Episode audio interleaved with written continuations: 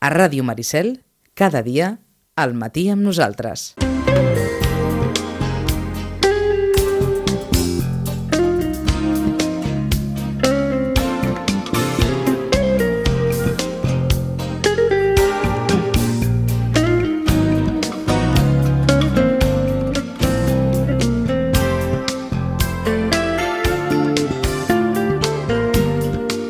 Doncs amb la Marta Sánchez des de la, les biblioteques de Sitges, va dir la biblioteca Santiago Rossinyol, i clar, la biblioteca... Ei, encara no, encara no.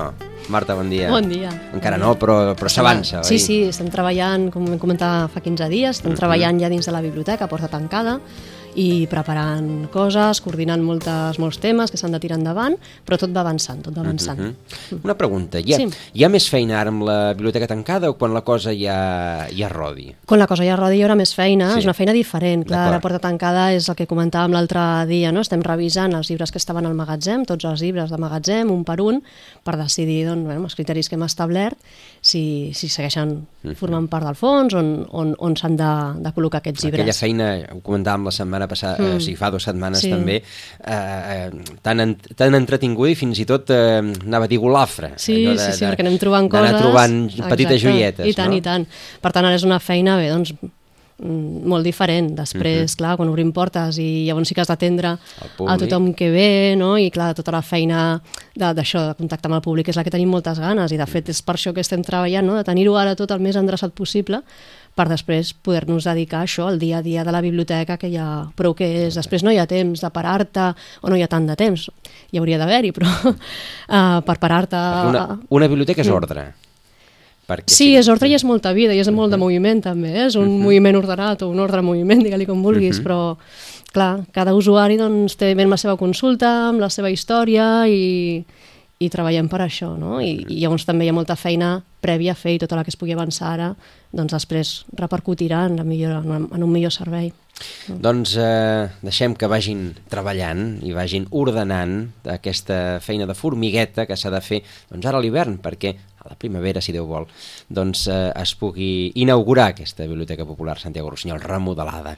Um, què ens porta avui la Marta? Doncs repassem l'agenda de la Biblioteca Josep Roig i Reventós. Començarem el divendres, dia 10, amb una hora del conte, com sempre, dos quarts de sis, i en aquesta ocasió ens visitaran Penjim Penjam. És una companyia de titelles, ha vingut ja altres vegades a la biblioteca i fa uns espectacles molt bonics. I a més als nens els hi encanta quan hi ha això, no? un, un objecte, una titella, un personatge que pren vida. En aquest cas serà el Moliner, ens anirem fins a l'edat mitjana amb aquesta història, i d'una maleta màgica sortirà aquest personatge, aquest moliner, que perd farina. I els nens i nenes doncs, l'hauran d'ajudar en aquesta aventura de veure com el moliner pot recuperar la farina i poder fer la seva feina, perquè si no, no hi ha, no hi ha res a Per fer. farina no, hi ha... No, hi ha... no serveix per al molí. Ah, exacte. Um, el dia 17 Sí. tornem a tenir hora del conte, el divendres, i en aquesta ocasió tindrem el Blai Sanabra, un narrador que ha vingut en moltes ocasions a la biblioteca, és amic de la biblioteca, jo diria. Uh -huh. Ens explicarà Mo, Mo que ve de monstres i ogres. Ah, I aquests monstres i ogres s'enfrontaran als nens i les nenes, però no en sortiran gaire ben parats. Eh, Els nens i nenes són, són invencibles. d'acord, són molt forts. I tant. Sí, mo, monstres i, i ogres. ogres, amb l'Ai Sanabra. El dissabte 18, a les 11, és una altra de les sessions especials que fem per als més petitons, de 0 a 3 anys, acompanyats doncs, de la seva família, i són un, unes activitats que tenen aquest toc especial, no? perquè ja no és que el nen escolti el conte, que també, sinó que des de ben petits doncs, vinguin a la biblioteca i juguin amb això, no? amb escoltar paraules, amb escoltar, escoltar sons, amb veure aquests petits espectacles tan fets a mida. En aquesta ocasió, Uh, la Petiteca ens porta Ralet Ralet i és una activitat de sensibilitza sensibilització musical per nadons. En la- L'anterior sessió va ser de ioga, doncs en aquesta vegada anirem cap a la música. També és una cosa que, clar, que els hi encanta i va directe al cor, no? I fer aquesta cosa amb els papes i les mames, doncs és molt xulo. Uh -huh. Això per nens i nenes. D'acord. I per, pels més grans, per adults, tenim el demà, dimecres 8, a les 7, hi ha el cicle d'onades literàries, que cada mensualment el fa l'Helena Cejas, uh -huh. i en aquesta ocasió ens parlarà de la importància que tenen els títols de les novel·les. M'aturo aquí un Sí. momentet. Demà eh, obre amb normalitat la biblioteca? O és una pregunta Doncs és una pregunta difícil? que ara mateix no et sabria dir. En tot cas, anunciem aquesta activitat Mhm. uh -huh. i si al final no es fes, a la xarxa social sortiria anunciat Correcte. que. Més que res per matisar-ho, sí, sí, sí, clar, és que és estem- la programació que estem teníem. tots igual, és en veritat, aquest sentit, sí. Marta. Per tant, Sí, eh, ara el dia dimecres he dit, el ai. di- Sí, eh? com, Sí. com hem comentat per demà, doncs eh, en Exacte. principi l'activitat Mhm. està prevista. Sí. Si hi hagués algun canvi, s'anunciaria a partir Sí. de les xarxes socials. Exacte. I ara no, això, comenta'ns l'activitat. Bé, en tot cas, si no fos aquest dimecres, doncs quedaria posposada per Mhm. una altra data. Però el títol és aquest, eh? el títol a les novel·les. I és aquesta importància que tenen això, no? el títol. Quan un escriptor escriu la seva història, una de les preguntes que, no? que ens fa curiositat és què ha sigut abans, el títol, normalment és, és a posteriori, però sí que té molta importància i molt de pes, i és un dels reclams que quan estem en una biblioteca o una llibreria, en fi, en, en un lloc on has de triar un llibre, doncs tant com la coberta, no? el dibuix, el disseny, et crida molt l'atenció, el títol també.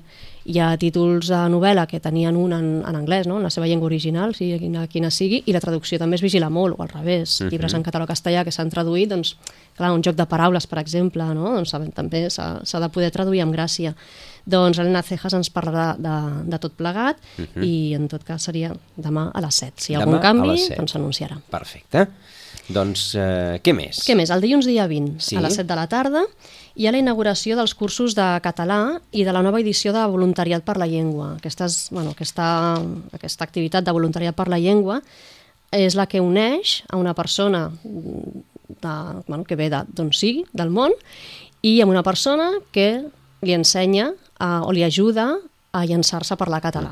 Eh? Llavors, per això, per persones que diuen és que, clar, sí que el sé però no m'atreveixo, m'agradaria, doncs bé, practicar-lo moltíssim més, doncs té un voluntari, no? un amic voluntari, que bé, doncs es troben i, i conversen. D'acord, el famós molt- voluntariat per la llengua que fa molts Sí, anys fa ja molts anys que funciona. Que funciona. Exacte. I els Doncs- cursos de català, que a Mhm. més a més es, eh, es, Sí, sí. es fan en aquest edifici, el que s'ha honorat. doncs en col·laboració amb el Consorci per a la Normalització Lingüística de Sitges es fa aquesta presentació i també al mateix acte hi ha la presentació del llibre Roba Estesa, que és una nova, una nova novel·la del David Vila i la presentació anirà a càrrec del, del mateix autor, del David Vila. Uh -huh. Doncs aquesta seria l'agenda per aquests propers 15 dies. Per aquests propers 15 dies, uh -huh. eh, bàsicament, activitats per, eh, sobretot pels petits, uh -huh. el, les, les hores del conte ja clàssiques, aquesta eh, possibilitat de demà de, del títol de les novel·les eh, de, amb Elena Cejas i aquesta presentació dels cursos i del voluntariat per la llengua en català la, el dia 20, m'has dit. El dia 20, El dia exacte, 20. dilluns 20. Mhm. Uh -huh. Més coses. A, A la veure. Biblioteca Josep Roig i- Reventós, qui s'hi hagi acostat aquests dies, s'haurà adonat que hi ha un canvi d'imatge. Mhm. Uh, molt, molt maco. S'ha pintat la biblioteca, això ja s'havia fet fa, bueno, aquí a, a l'agost, es, va, es va pintar la biblioteca amb uns colors que són molt de la biblioteca i són molts nostres, a més el blanc, el verd, el blau.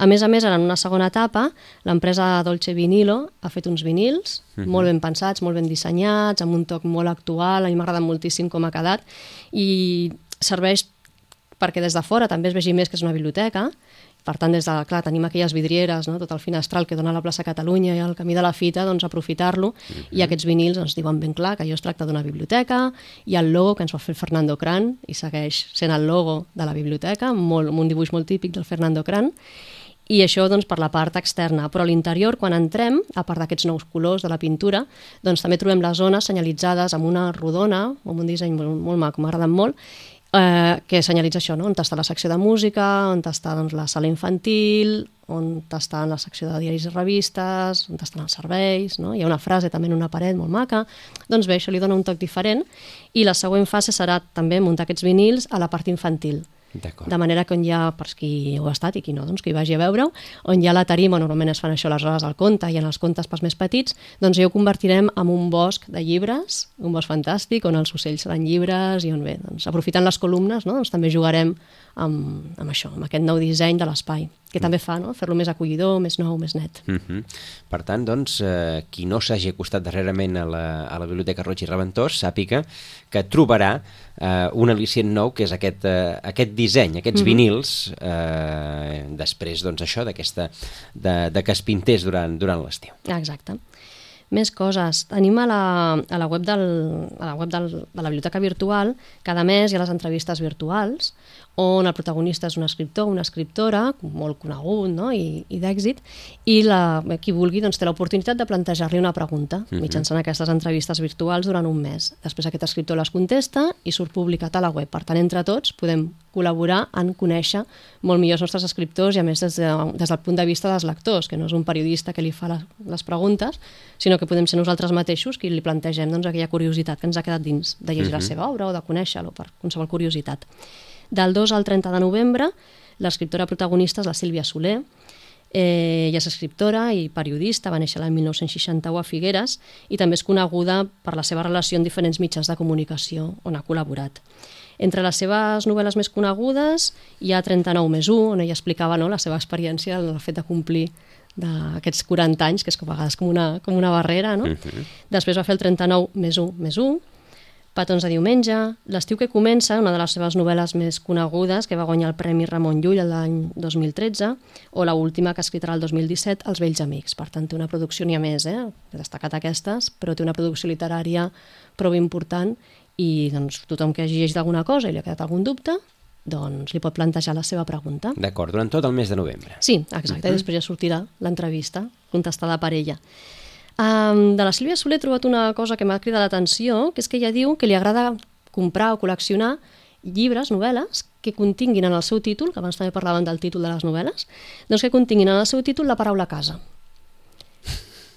Clar, i realment, no?, penses en això i et ve al cap pues, la casa de Bernard Alba, la casa de los espíritus, però mirant en el catàleg de la biblioteca, doncs hi ha molts llibres, tant infantils com d'adults, que tenen la paraula casa en el seu títol. En destaco alguns. A veure. Mira, per exemple, teníem, tenim un còmic, no és novel·la, és un còmic, La casa, de Paco Roca. Aquest és claríssim. És evident. Sí. El Paco Roca és, és un autor de còmic molt, molt destacat, el recomanem moltíssim. És l'autor també d'Arrugues, que també van fer una pel·lícula, eh? potser també amb aquest referent doncs, el situem millor. Les protagonistes, els protagonistes són tres germans que tornen a, a la seva casa familiar on han passat doncs, bé, la, la infantesa i la joventut un any després de la mort del seu pare, amb la intenció de vendre-la. Però un cop arriben allà i comencen a remenar objectes, el que en principi serien trastos, se n'adonen no? doncs que cada, cada cosa, cada objecte els hi porta uns records, una manera, cadascú des de la seva perspectiva, de recordar la seva vida en comú. Eh, és una, una història plena de màgia, de sentiments, d'amor, amb un argument aparentment senzill, però que el Paco Roca l'adorna i el transforma d'una manera que, que ens meravella. Per tant, és una, un còmic, una novel·la gràfica molt, molt recomanable. Una altra, La casa cantonera, de la Sílvia Encàntara, també doncs, tenim aquí la casa. En aquest, en aquest cas, és una miqueta similar a l'argument de l'altre, són dues germanes que fa 20 anys que no es veuen i s'han de repartir també no, doncs, les coses de la seva mare un cop doncs, aquesta falta. Cada petit objecte també desperta els seus records. Per tant, com que relaciona la casa amb aquesta cosa tan íntima, no? de sentiments, de records, cadascú uh -huh. té la seva, la seva casa i és el seu espai, no? el, seu, el seu petit paradís.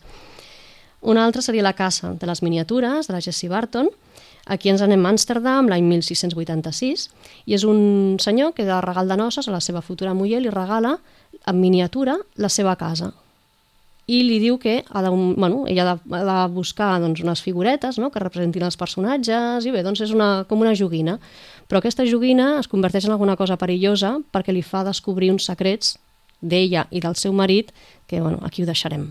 Vale. Va tenir molt d'èxit i premis, també, aquesta novel·la. Uh -huh. I per últim, n'hi ha més, eh? perquè busques el catàleg i en casa surten un munt.